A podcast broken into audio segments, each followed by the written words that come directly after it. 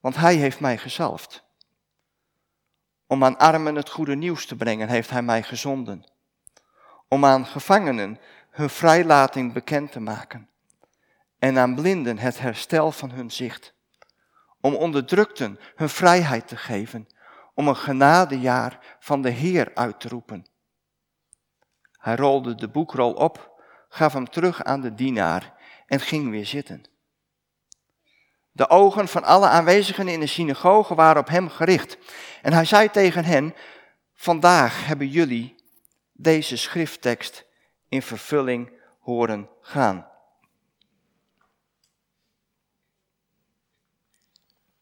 Dit is by far de kortste preek ooit. Jezus leest een tekst voor uit Jesaja en zegt tegen alle aanwezigen, jullie zien vandaag deze tekst in vervulling gaan.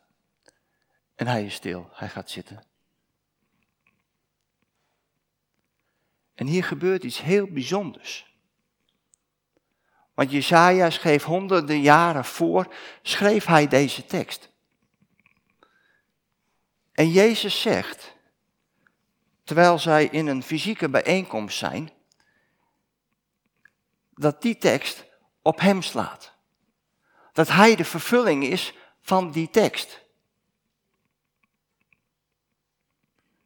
En dat laat iets heel bijzonders zien hoe profetie, hoe, hoe die geestelijke gave van wijsheid en inzicht werkt. Vandaag is deze schrift in uw oren in vervulling gegaan. En op het moment dat hier in deze gemeente de afgelopen periode gewerkt is aan een meerjarenplan, dan is daarvoor gevast. Dan is daarvoor gebeden. Dan zijn er mensen samen met de Heilige Geest bezig geweest om dat op te schrijven. En dat betekent dat er voortdurend de zoektocht is geweest naar van, hé, hey, hoe wil God dat deze gemeente gaat functioneren? Wat wil God dat de komende vijf jaar in, in ons midden gaat gebeuren? En ik ben er zelf bij betrokken geweest en ik heb het hartsverlangen van God gezien in die groep die ermee bezig is geweest. Ik heb het hartsverlangen van God gezien hier tijdens die gemeentevergadering. Dat we zo met elkaar het aangezicht van God zochten. Wat wilt u voor deze plek, voor deze gemeente, in deze tijd? En die zoektocht die is op papier gezet is gepresenteerd in dat meerjarenplan. En op het moment dat wij als gemeente daarvoor stemmen, dat we zeggen, ja, dat is het plan waarvan wij geloven dat het uit Gods hart komt en wat Hij hier in ons midden neerlegt.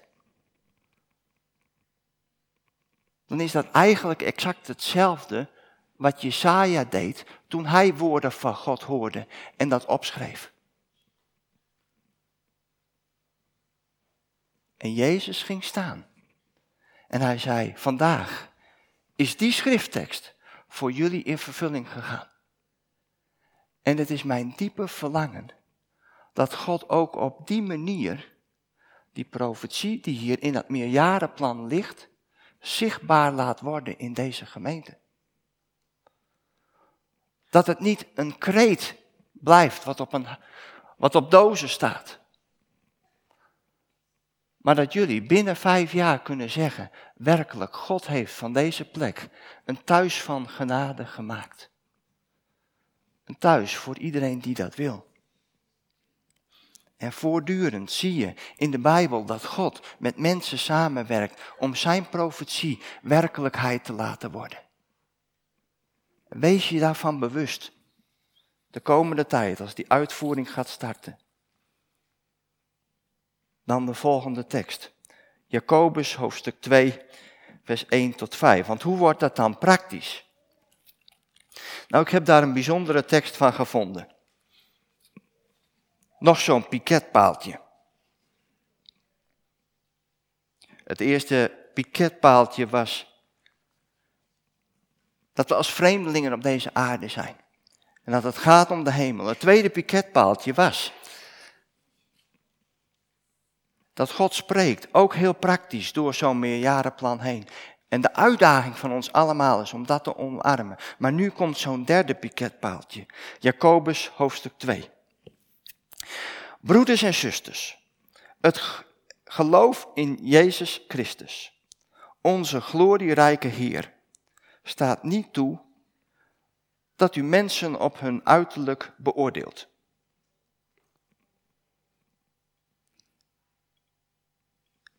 Stel dat uw samenkomst bezocht wordt door iemand die prachtige kleren en gouden ringen draagt. En tegelijkertijd door een arme in vodden. Als u dan de eerste met alle zorg omringt en tegen hem zegt, neemt u plaats, hier zit u goed. Terwijl u tegen de tweede zegt, ga daar maar staan. Of ga maar bij mijn voetenbank op de grond zitten. Maakt u dan geen ongeoorloofd onderscheid en wordt uw oordeel niet door verkeerde overwegingen bepaald? Luister, geliefde broeders en zusters, heeft God niet juist hen, die naar wereldse maatstaven arm zijn, uitgekozen om rijk te zijn door het geloof en deel te krijgen aan het koninkrijk dat Hij heeft beloofd aan wie Hem liefhebben?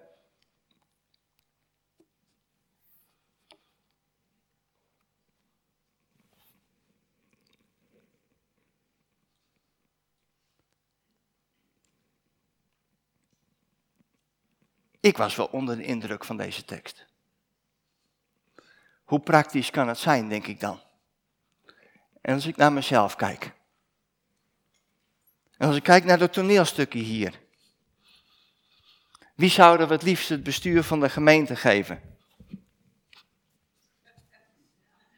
Toch? U bent aan het begin van de dienst uitgenodigd om nieuwe bestuursleden aan te dragen. Nou, hoe duidelijk kon de hint zijn, denk ik dan.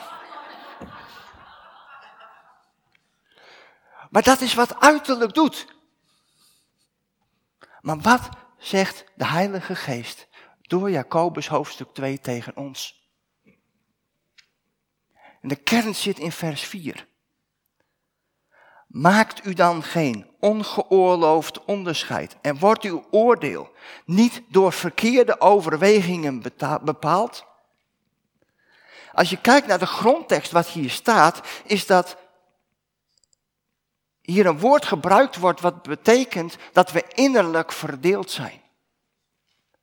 Dat wij van binnen twijfelen. En omdat wij zelf van binnen twijfelen, kiezen we dat wat voor ogen is. En dan wil ik eigenlijk gewoon deze spiegel omdraaien.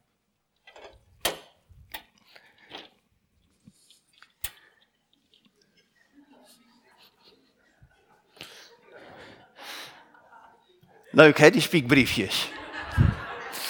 Jullie zagen het al. Ja. Maar dat zegt heel veel, toch? Het prachtige toneelstukje is ook geholpen door gewoon slim te zijn. Maar deze spiegel staat nu even naar jou.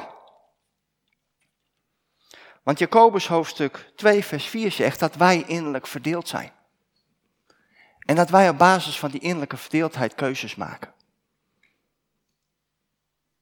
En eigenlijk nodigt Jacobus ons uit om die keuzes niet vanuit innerlijke verdeeldheid te maken,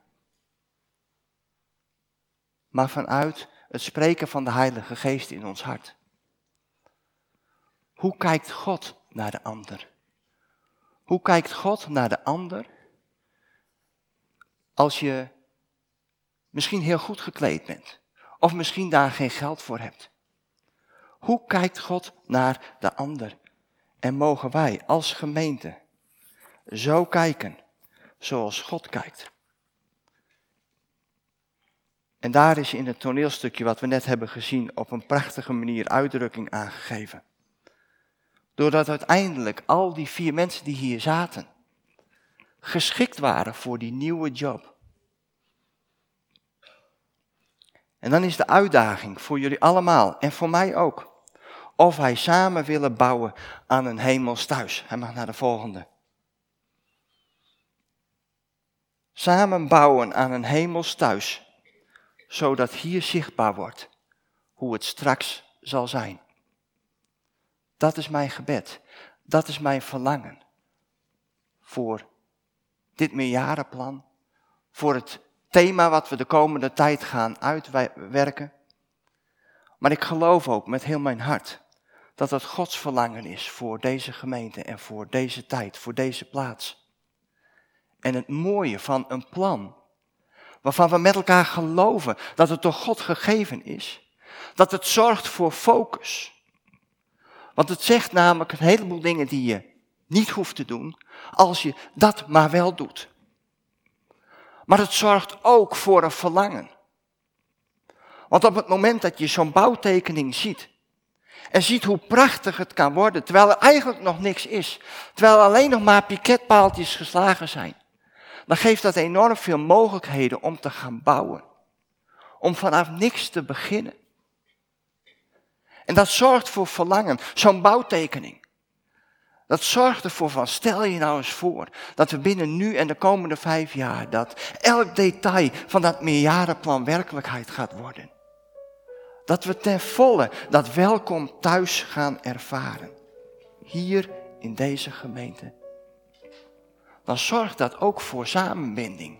Dan zorgt het dat je elkaar, als het weer mag, de hand mag geven.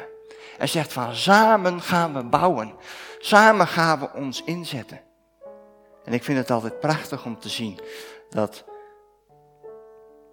een klein kind dat leert fietsen, begint met een driewieler. Maar wie van ons heeft fietsen geleerd en kan nu prima fietsen, misschien met een beetje hulp van een elektrisch motortje. Maar dan gaan we vooruit en dan gaan we fietsen. Maar we hebben het allemaal geleerd op dat driewielertje. Of op die loopfiets. Kan ook. Ik zie namelijk een paar mensen schudden dat ze het niet op een driewielertje hebben geleerd. Maar we zijn begonnen. En stel je voor dat je niet was begonnen op dat hele kleine fietsje dan had je het nooit geleerd. En daarom de uitdaging voor ons ook als gemeente. Om gewoon te beginnen. Om te zorgen voor beweging. Want een stilstaande auto kun je niet besturen, maar een rijdende wel. En op het moment dat er beweging komt, dat er beweging komt in het koninkrijk van God, kun je manoeuvreren zoals de geest dat zegt. En manoeuvreren op de plek waar God jou wil hebben. En het is dat wat God zo met deze gemeente wil. Zullen we daar nog een kort moment voor bidden? Ja, heren, dank u wel voor de muziek die al in onze oren klinkt. Hemelse muziek. Heren, dank u wel dat u zo vol met plannen zit. En zo vol beweging zit. Dat het zo uw verlangen is om van deze plek ten volle een welkom thuis te maken. Een huis van genade. En dank u wel dat alles klaar ligt voor ons om daarin te bewegen. Dank u wel voor de focus die u geeft. Maar dank u wel ook, Heer, dat we ten diepste mogen ervaren. Dat we eigenlijk hier niet thuis zijn, maar dat ons thuis bij u is, in de hemel. En straks, als er een nieuwe hemel en een nieuwe aarde is, dat het dan ten volle zichtbaar zal worden. En Heer, het is ons diepe verlangen dat de gemeente waar we deel van uitmaken, dat het al zoveel mag laten zien van uw hemels goddelijk koninkrijk. En Heer, dank u wel voor die piketpaaltjes van vanmorgen. Dank u wel ook voor de spiegel. Dat we die eigen innerlijke verdeeldheid bij ons gaan zien en ervaren. En dat we ook daar uw genade op laten schijnen. En dat we vanuit ons veranderend wezen mogen reageren op de koers, op de weg die u wijst dat we mogen gaan. Heren, ik zegen ons daarmee als uw gemeente op deze tijd en op deze plaats. In de naam van Jezus. Amen.